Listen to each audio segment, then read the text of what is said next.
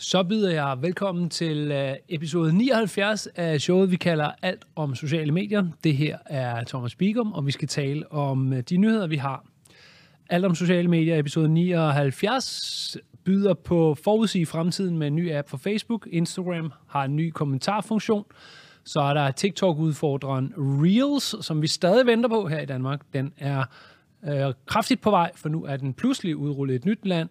Og så er der en lille funktion til LinkedIn, der handler om lyd, og så har Instagram en indsats til shopping.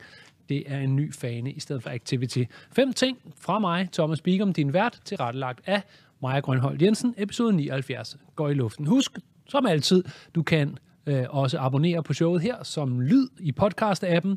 Du søger alt om sociale medier og finder den, og så kan du abonnere på Facebook på de her udsendelser, som fortrinsvis foregår live. Det gør du ved at sætte et flueben i modtag notifikationer. Vi deler fortrinsvis kun ting, der handler om det her show fra vores Facebook-side. Det er derfor, du i ro og mag kan abonnere på den, hvis det er, du er interesseret i showet. Lad os gå i gang.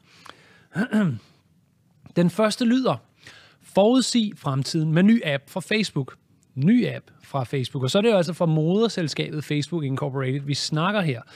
Øh, Facebook eksperimenterer med en ny app, hvor brugerne i fællesskab laver forudsigelser om fremtiden. Den nye app har navnet Forecast, men er stadig i beta-version og kun tilgængelig for inviterede brugere, så det er sådan i øh, inkubationsfasen, vi taler om her. I Forecast kan brugerne stille spørgsmål om fremtiden og komme med forudsigelser. Derefter er der en afstemningsfunktion, så andre brugere kan give deres besøg med. Ifølge Forecast produktchef søger mennesker i stigende grad efter information, der skal afklare, hvordan verden kan se ud i morgen, næste måned eller næste år. Og det mener Forecast selvfølgelig, at de kan hjælpe med. Der er links til den nyhed i show notes, det vil sige på podcast-appen show notes, det vil sige opslaget her på Facebook, hvor vi sender live lige nu, eller hvis du bare går til bigom.co-blog og leder efter episode 79. Nummer to er Instagram udruller en ny kommentarfunktion eller funktion til kommentarerne. Det lyder sådan her. Instagram har gjort det muligt for alle brugere at fastgøre kommentarer øverst i kommentarsporet. Fastgøre altså. Og hvad skal det så gøre godt for, spørger du måske dig selv. Instagram mener, at den nye funktion kan hjælpe med at holde kommentarsporet positivt. De mener altså, at du kan påvirke samtalen i en positiv retning ved at fastgøre de mest positiv kommentar øverst. Links til, hvordan det ser ud, ikke alle har fået det nu, via show notes og linket her i opslaget. Og min kommentar til den er interessant. I første omgang tænkte jeg, hmm, man skal bruge det til, eller hvilken forskel vil det gøre, og så slår det mig, at man skal se det igennem det perspektiv, at der jo for adskillige opslag i det høje leje, altså hvor der er mange kommentarer til et opslag, er henved ofte sådan, at en lang stribe af kommentarerne er meget ensartet. Det kan for eksempel være, at folk tagger hinanden bare for at vise hinanden opslaget, og der kan man se sig selv rulle igennem 10, 20, 30 opslag, der er helt identiske bare med tags. Og så for at det engelske ord surface, for at bringe til overfladen, for øh, admins vedkommende sige, der, var, der blev sagt noget fedt, jeg synes, folk skal læse, eller et fedt take, eller måske noget, jeg faktisk vil svare på, øh, som afsenderen, altså forfatteren af kommentaren, så kan man bringe den op til overfladen, og, og således, som der står skrevet i nyheden, at man på sin vis styrer diskursen for debatten nedenunder, fordi at de næstankomne, de får så den kommentar at se. Øh, og så kan man så hæve positive, tre styks, over de negative, hvis man vil have mere positivt i sit kommentarspor. Jeg ser den altså øh, godt anvendt. Lad os bare tage influencer øh, delen på det. Så, så hvis du kender en influencer, der har adskillige kommentarer, og også er den slags influencer, der svarer på nogle kommentarer, men ikke på alle kommentarer. En influencer, der vælger at svare dybt på nogle kommentarer, men ikke på alle kommentarer, så når influenceren finder noget at svare dybt på, så vil det være øh, helt oplagt at lade det, det, lige den kommentar, som ligger som kommentar nummer 36, blive pinned op til top, sådan så at de næstankommende altså ser, at influencerne er i live og giver sine følgere og lægger grundige svar og tager gerne en diskussion. For influencerens arbejde, hvis influenceren tager en diskussion dybere nede i striben af kommentarer kan jo let blive overset, og på den måde ikke helt være indsatsen værd, fordi det kan kræve meget tid, og der er få, der ser det, og det bliver lyn, lynhurtigt en til en tilstedeværelse over for den enkelte følger. Så det kan man bringe til tops ved at såkaldt pin the comment to top. Så der tænker jeg den. Hvis du kender nogen, hvor det kan være relevant, så er det bare om at ship linket til den her episode videre. Og nævne, at det er nyhed nummer to, Thomas står og taler om. For vi skal videre til nyhed nummer tre ud af i alt fem.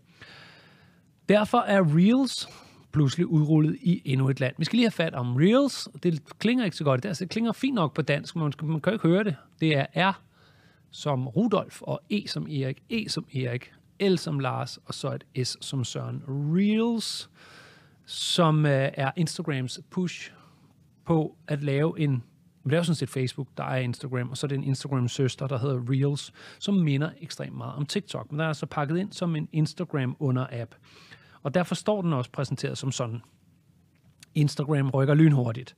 Deres TikTok-klon Reels er rykket ind som en testversion i Indien, nærmest i samme øjeblik som Indien forbød TikTok og en række andre kinesiske apps.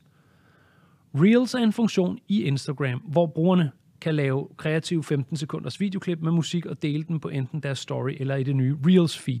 Reels blev udrullet i Brasilien sidste år som en test, men altså for nylig lanceret i Tyskland og Frankrig og overnight rykket ind i Indien.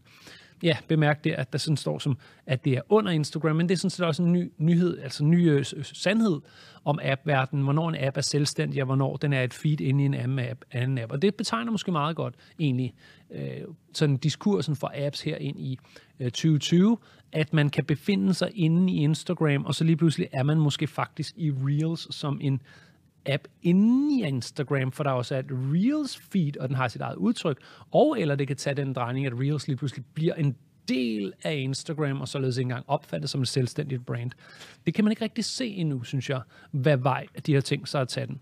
Men det er lidt ligesom, øh, det har stået i historiebøgerne, da Messenger blev udskilt af Facebook, så kan man jo altså stadig være inde i Messenger, undskyld, i Facebook, og have den opfattelse, at man skriver til en ven, men man har reelt skiftet app for at gøre det.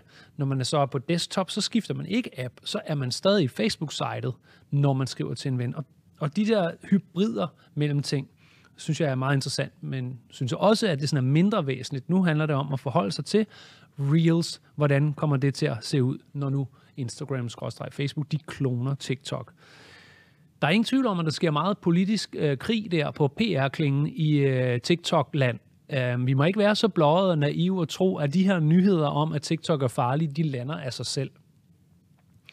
Hvis man antager, at Facebook har professionelle presserådgivere og spindoktorer med et populært ord, Altså, det må vi jo antage, at de har. Så skal man ikke forlænge den tanke med skinner særlig langt for at regne ud, hvad de sidder og arbejder på. Og den nærmeste konkurrent, den største trussel og det første, største advarselsbillede, der er i konkurrenceland, det hedder TikTok. Så enhver smedehistorie mod TikTok skal man bare forstå i højere grad nok kan være placeret via pst og whistleblowing, end at en journalist decideret har fundet ud af det. Så er det en anden historie, om TikTok rent faktisk også fucker op, men det er da i hvert fald den store moder. Facebooks interesse at pege på det, når der er et fuck up. Og således et det lille postkort ind fra bemærkelsesværdigt, så mange tæsk TikTok får, for at appen samler op, hvad du har i din clip-folder. Det vil sige copy-paste. Du har trykket copy til et link, så kan TikTok se, hvad der står i copy, og det blev til en forholdsvis stor mediesag for ikke så længe siden, en halvanden uge siden. Det blev LinkedIn bustet i i 2014, hvor det ikke bliver til en synderlig stor sag, men det er sådan set det samme. Så ikke bare er nyhederne om, hvad TikTok gør, nærmest oldgamle i den her sammenhæng, de er også pisket op af en eller anden udefrakommende kraft. Der er en indefrakommende kraft. Medierne kan se, at der er kliks i det her, og at brugerne bliver bange, og det er også stor politisk klinge, når det er Kina, Østen mod Vesten. Men naivt ville det være at tro, at der ikke var nogen, der pustede fra siden, og at de nogen, de hed Facebook. Og så har jeg ikke sagt mere beskyldningerne bare just saying, at hvis man lægger den ene togskinne, kan man antage, at den anden togskinne ligger lige bagefter. Og det gør ikke, at jeg tager standpunkt. Det gør bare, at jeg synes, at vi skal tage alle nyheder med et grænsalt, og vi hele tiden skal huske lige at gange det med en faktor halvanden eller en faktor halv, og prøve at vægte og veje. Og altså den der historie om, at LinkedIn havde en lille sag på, at det kunne LinkedIn se, det droppede de nu, og man kunne se, hvad der var copy-pastet, og det kan TikTok så se i seks år senere, og så skulle det være en stor skandale, eller har vi mistet jordforbindelsen på, hvad der snart sagt er en skandale, og hvad der er en okay, det kan vi da godt lade være med. Men øh, mere kan jeg ikke sige om det, og mere standpunkt tager jeg heller ikke, for jeg skal sådan lidt mere, synes jeg selv i hvert fald, opholde mig lidt i midten og belyse begge sider. Og når medierne er så gode til at belyse problemerne ved TikTok, så finder jeg det min opgave at belyse, ah, det er måske ikke så galt endda. Hvis du har fået opfattelsen af Thomas Bigum, jeg taler om mig selv i tredje person, at han er en, som elsker TikTok og har en eller anden agenda, så er det en afstedkommet af, at når medierne og mediebilledet er skævbelyst, så tager jeg modsat placering. Så hvis medierne havde belyst TikTok som noget godt, havde du set mig være skeptiker. Og lad det være de sidste ord sagt om, om min, mit forsøg på den linje, jeg lægger. Men den er meget rart lige at få lagt, fordi nu har der altså været en måneds tid med TikTok, og jeg ser mig selv stå og forsvare den hele tiden, så jeg nærmest lyder som om, jeg har, der er nogen fra Kina, der har puttet penge i mig for at forsvare det. Men det er simpelthen, fordi jeg føler, at det bliver belyst skævt. Så må jeg bringe frem, at der er nogle af de skandaler i TikTok-land, der er både oldgamle og har set før, og ikke afviger synderligt meget for, hvad apps har gjort de sidste 8-10 år. 6-8 år, for at være helt rigtig på tidsrammen. Nok om den. Vi glider ud af nyhed nummer 3 og ind i nummer 4. Er dit navn svært at udtale? LinkedIn kommer til undsætning. LinkedIn er i gang med at udrulle en lydoptagelsesfunktion, som man som bruger kan tilføje en stemmeoptagelse af, hvordan man udtaler sit navn. En lille ting i den her sammenhæng, synes jeg, at vi tager den lige. Den korrekte udtale er ikke kun almindelig høflighed, det er også en vigtig del af at give et godt førstehåndsindtryk. Skabe en inkluderende arbejdsplads. Derfor besluttede vi at lave den funktion, der giver dig muligheden for at dele, hvordan man udtaler dit navn. Skriver LinkedIns produktchef i et blogindlæg. Det er sgu da meget sjovt. Jeg tænker, at på danske breddegrader har vi måske ikke så store variationer over vores navne og navnepuljen. Selvfølgelig, jo flere der kommer af herkomst uden for det danske sprog, desto mere kan man blive i tvivl. Men der er altså muligt for lige at lægge en lydoptagelse på. Det er da meget godt. Vi hopper videre til øh, den sidste, der lukker episoden nu.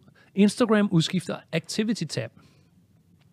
Lidt af gangen dog skal så siges i parentes. Der står her, det er ingen hemmelighed, at Instagram arbejder på at blive din foretrukne shopping-app. En shopping-tab, altså som et menupunkt, er som en test rykket ind i stedet for Activity-tabben nederst i din Instagram-app. I nogens, ikke alle, nogens apps. Hvis du klikker på den nye Shopping-tab, så kan du filtrere produkter i kategorier og gå på jagt efter netop det, du mangler. Activity-tabben er ikke forsvundet, men der testes to forskellige nye steder, hvor den så ligger. Testen kører globalt, så måske forandringerne allerede har ramt din app. Du kan kigge efter nu, og er du i tvivl, så kan du bevæge dig mod bigom.co-blog og finde nyheden, der kommer fra TechCrunch, og så kan du se skærmbilledet af, hvordan det kan se ud. Det kan du gøre om et øjeblik, fordi herfra er der kun tilbage at sige, indtil vi ses, så have det rigtig godt. Husk at abonnere podcast-app eller på Facebook. Mit navn er Thomas Bigum. Der er stadig sommervejr udenfor, og jeg synes, du skal stikke ud og nyde det, så kan du sidde ude i sommerværet og tjekke din Instagram, om der er kommet en shopping-app. Det var alt for mig nu. Indtil vi ses. Altså, så have det rigtig godt.